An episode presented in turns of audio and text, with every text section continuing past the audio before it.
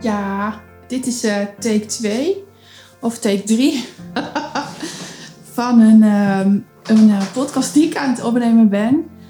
En dat doe ik anders dan anders. Ik zal je ook vertellen waarom. Ik hoorde vorige week uh, de eerste klant zeggen: Wen, ik ben aan het uitstellen. Ik vind het zo spannend om te doen. Klant 2.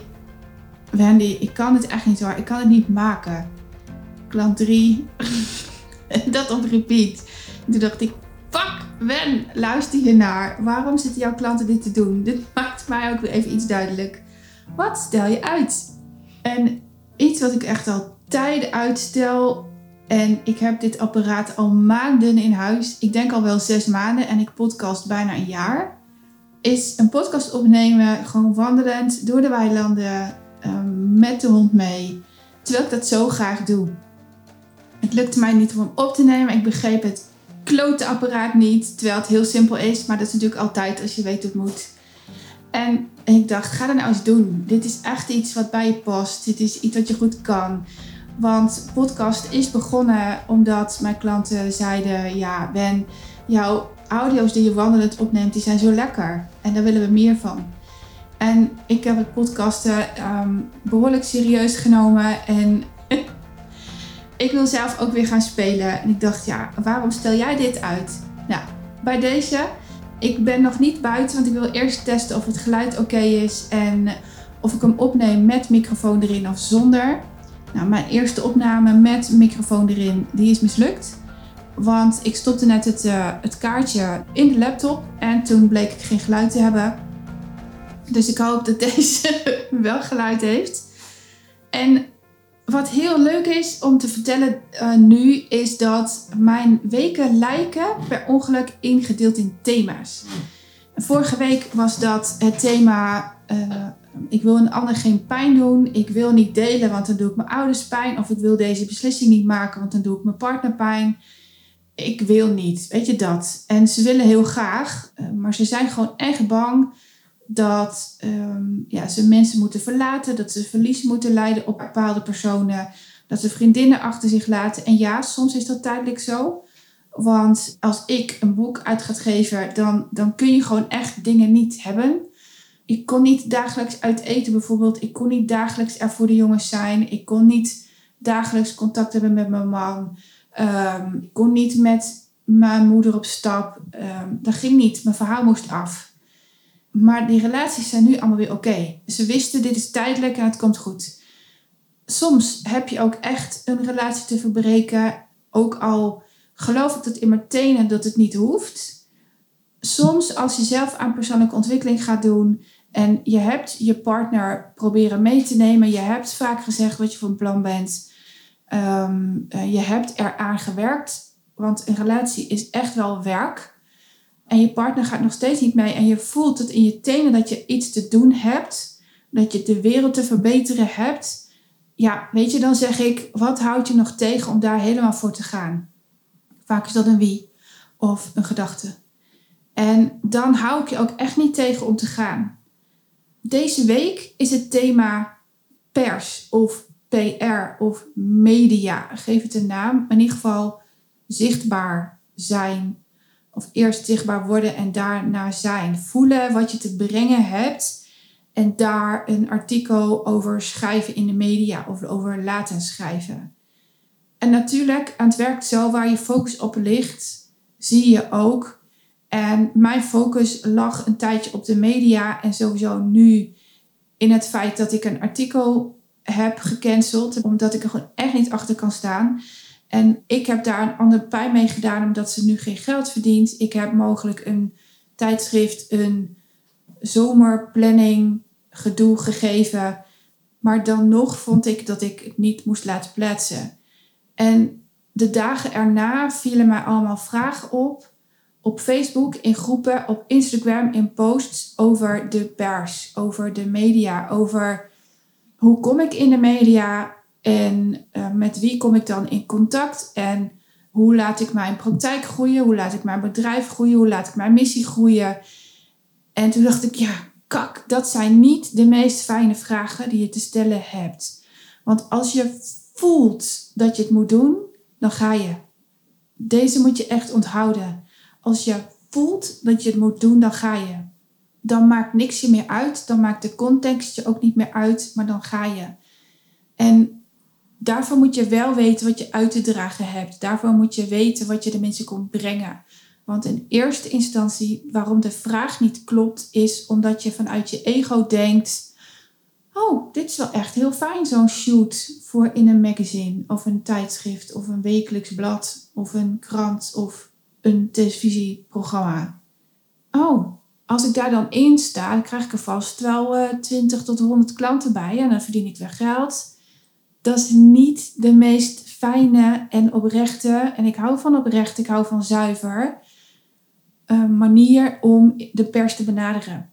Dit is ook de reden waarom ik vorige week heb gezegd: ik ga niet dit artikel laten plaatsen omdat het iets uit ging dragen waar ik niet achter kan staan. En dit moet je echt weten, want je gaat iets brengen in de wereld. En als je dat vanuit je ego doet, dat wordt altijd een teleurstelling.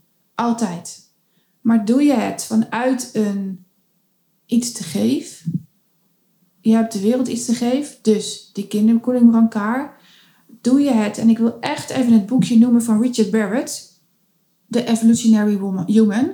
It Was Always About Consciousness. Die, die moet je echt even bestellen. Dit is zo'n fijn boekje. Hij is in het Engels. En, en als je me al langer volgt, dan weet je, Engels lees ik heel traag. Maar dit boekje is zo begrijpelijk. En ja, ik heb echt wel wat woorden moeten vertalen. Maar dit boekje is zo, zo begrijpelijk opgezet. Ik heb dit boekje standaard in mijn kast staan op uh, grijpen, zeg maar. uh, sommige boeken moet ik zoeken. Deze staat in het zicht. En hij heeft een, een heel mooi model waarin, bladzijde 61, ik heb ook standaard mijn eigen boekenlegger erin zitten, waarin stadia van ontwikkeling uh, vermeld zijn. En de hoogste, en dat, dat, dat komt overeen met die van Abraham Hicks, is to serve. Je dient de wereld. Je hebt iets te brengen. Je, je weet voor wie je het doet. En de eerste stadia van zijn model, en Google gewoon zijn naam. Want dan vind je hem, en je vindt hem ook in het Nederlands, zijn: ik kan het niet, ik weet niet goed genoeg en ik doe niet goed genoeg. En als je daarin zit en vanuit die stadia de media gaat benaderen, dat wordt altijd ruk.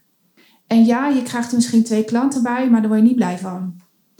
En bin there, dan that. Ik heb daar echt wel iets over te vertellen.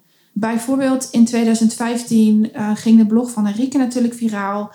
En zowel Henrike als ik waren daar vreselijk naïef. En de klanten die ik kreeg zaten heel erg in hun eigen rouwproces. In de pijn, in het wordt nooit meer goed, het wordt nooit meer beter. En ik ook dood. En ik word er niet blij van. Ik kan het goed, hè? Ik kan, ik kan je met gemak kan ik je eruit halen. Ik kan je met gemak op het bord uit laten tekenen hoe het anders moet en wat je ervoor moet doen. Maar ik word er niet blij van. Ik word er echt niet blij van. Ik word blijer van de mensen die in de transformatie al zitten, die door het laatste stukje pijn moeten gaan om, om de wereld te dienen. Daar word ik blij van. En die mensen wil ik. En die hebben geen moeite met hulpvragen. Die willen met gemak investeren. Dat zijn de, de, de mensen die uh, vaak een eigen bedrijf zijn begonnen, juist omdat ze de wereld te dienen hebben. In coaching, in mentorschap, in mediator, in uh, reiki-behandelingen geven, in, maar ook in producten. Cardex worden veelvuldig uitgegeven door mijn klanten. Of zijn in ontwikkeling, magazines, boeken. Daar word ik het meest blij van. En uh, die laat ik allemaal door dat laatste stukje heen gaan. En, en dat is niet makkelijk voor ze. Let op, dat is niet makkelijk voor ze. Maar hier gebeurt er wel iets. Ik weet nog dat ik één klant vroeger had, die zat al acht jaar bij dezelfde psycholoog. Acht jaar bij dezelfde psycholoog. Ik heb er laatst in eentje uh, toegelaten, die zat al zes jaar bij dezelfde psycholoog. Jongens, stop dat. Stop dat nou eens. Je hebt recht om te veranderen. Want als je al acht jaar, zes jaar, vijf jaar, vier jaar, drie jaar bij dezelfde zit, dan moet er iets veranderen in jouw leven. Dat moet echt, dat verdien je. Je bent geboren om te groeien. En zij komen hier en ze zeggen: Jezus, Jezus, Wen, hier gebeurt iets. Jij gaat tenminste niet mee in mijn drama. En dat klopt, want ik heb een spuughekel aan het drama. Die zit namelijk op, ik kan niet, ik ben niet en ik doe niet goed genoeg. En je bent al genoeg, want je bent geboren. En daar zit jouw groei. Alleen al het feit dat je bent geboren zit jouw groei. En tuurlijk, we zitten allemaal af en toe in de ik kan, ik ben, ik doe het niet goed genoeg. Eh, maar doe er dan iets mee. Laat je helpen. En mijn klanten willen dit. Die willen daaruit en die, die voelen dat ze, dat ze wel hulp hebben gevraagd, maar de ander beter hebben gemaakt. Ze worden er zelf net niet sterker van. Ze gaan net niet door die shit heen. En hier doe je dat wel. Doe je dat niet, betaal je leergeld en dat vind ik zonde. Van leergeld kun je trouwens wel leren. In, alles wat je uitgeeft zit een les. In alles. Maar die moet je wel kunnen zien. En dat zijn de kiezelsteentjes die je hier liet oppakken. Waar je ehm, eh, beter van wordt. Ik wil werken met de mensen die, zoals Richard Barrett noemt, to serve. Die daarheen willen, die het ripple effect willen veroorzaken. Die, die net als ik zijn ze vaak getekend door het leven, maar juist daardoor weten ze ja, waar het leven werkelijk om gaat. En als je met die mindset naar de pers gaat, dus je hebt iets te brengen, je hebt iets te geven, je hebt iets te veranderen, je wil de wereld mooier maken, dan zit je goed dan maakt het eigenlijk niet uit wat het effect is. Dan maakt je ook niet uit dat je een kutreactie krijgt. Want die krijg je. En dan heb je jezelf echt te organiseren in hoe je, hoe je die reacties ontvangt en hoe je ze niet binnen laat komen. Daar help ik je bij. Want ook al maak je de wereld mooier, mensen vinden er altijd iets van. En online zul je merken, um, is het heel makkelijk reageren mensen hebben geen idee ja, met wat voor energie ze aan het, aan het strooien zijn. Maar jij wel. Jij weet het wel. Want jij zit in die hoogste to serve. Hetzelfde als Abraham Hicks, daar, daar, die heeft die ladder en jij zit in die hoogste treden. Alleen zodra je kiest om te delen, zodra je überhaupt kiest voor verandering, komt er weerstand op je pad. En dat geldt dus ook als je uh, naar de pers gaat. Dat geldt voor alles iemand vroeg in een groep, en daarom vul ik me ook op, omdat ik natuurlijk met de pers bezig ben. Ik wil mijn praktijk groter laten worden of meer aandacht. Of ik wil expertstatus claimen. Uh, hoe zijn ze nou? Ik heb me daarin verdiept in PR. En uh, wat is jullie kijk daarop? En toen dacht ik, ja, dat is nou net helemaal niet, dat is net niet een helemaal, hele lekkere vraag. Want als je zit in wat ik heb te brengen en welke pers past daarbij, zit je wel goed. En dat leverde mij weer een inzicht op. Want ik ben natuurlijk begonnen met wat stel je uit. En dat was onder andere op het opnemen met dit apparaatje. Maar ook, uh, want dit was echt een hele praktische. Ik stel het ook al een tijdje uit om als expert zelf in de krant te komen, online, voor een breder publiek. Ik vind namelijk van mezelf dat ik een te kleine publiek bereik. En dat mag ik wel eens gaan doen, dat verbreden of verhogen, of ligt eraan hoe je ernaar kijkt. Ik zal zelf actief op zoek moeten gaan naar iemand die over mijn expertstatus gaat schrijven. Over wat ik te brengen heb, over wat ik te geven heb en hoe zonde het is dat je het niet bij me afneemt. En toen dacht ik mij, kak, dankjewel voor deze vraag. Ik doe het zelf ook niet. Wie past daarbij? En onmiddellijk kreeg ik het antwoord, want in 2015 heeft één journalist over de kus geschreven en dat deed ze zo liefdevol. Dat deed ze zo fijn. En haar heb ik net een LinkedIn berichtje gestuurd, uh, een verzoek. En zodra ze die heeft uh, aangenomen, uh, stuur ik haar een privéberichtje met de vraag: Goh, kunnen we even bellen? Want ik denk dat ik iets heb om over te schrijven en dat het belangrijk is. Ik wil wel eerst de tekst lezen als je erover hebt geschreven voordat je hem plaatst. Want ik kom nu natuurlijk vaker weer in de media met de kinderkoelingbrancard. En dat is fantastisch. Maar wat daarbij ook gebeurt, de kinderkoelingbrancard hoort bij To Serve. Hè? Kinderkoelingbrancard hoort bij het feit dat ik ervoor zorg dat mensen uh, niet de start van een rouwproces hebben zoals ik die had. Ook al weten zij het verschil niet, ze zullen nooit het verschil merken tussen een klein en een groot bed. Want dat bed, dat voelde, daar voelde ik mij niet gezien in het proces ik voelde mij absoluut wel gezien door de verpleegkundige die daar toen mij ontving. Dat was echt een schat van een vrouw. In het proces dat ik aan te gaan had, voelde ik me absoluut niet gezien. En daar zit hij.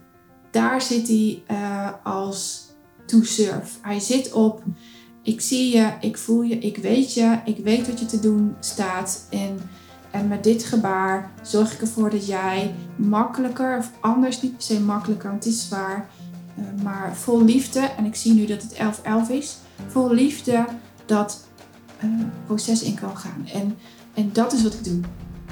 Maar wat mensen van mij zien is natuurlijk het verhaal van Lennart, maar ik ben meer dan dat. En, en iemand in een van de groepen van mijn coach stelde mij daar deze week een vraag over. En, en ze zei, waarom wil je niet gezien worden als die moeder van Lennart? Want het is zo krachtig. Ik zeg, ja, dat klopt. Maar wat mensen oppakken, nog steeds is, oh, wat erg. Je leven was over. Ik zei, nee, mijn leven begon daar pas. En ik, ik, ik moet dat blijven uitleggen. Dus ik zal met het, met het tegenovergestelde bericht in de media moeten komen. En dat heb ik zelf te regelen. Dat heb ik zelf te regelen. En ik ga dan vanuit de energie, ik heb de wereld iets te geven. En het maakt mij niet zoveel uit wie het leest, wat ze eruit halen. Als er één iemand op die dag dat ze dat artikel lezen, een andere beslissing maakt die, die ze voorheen nooit zouden doen, dan is mijn missie geslaagd.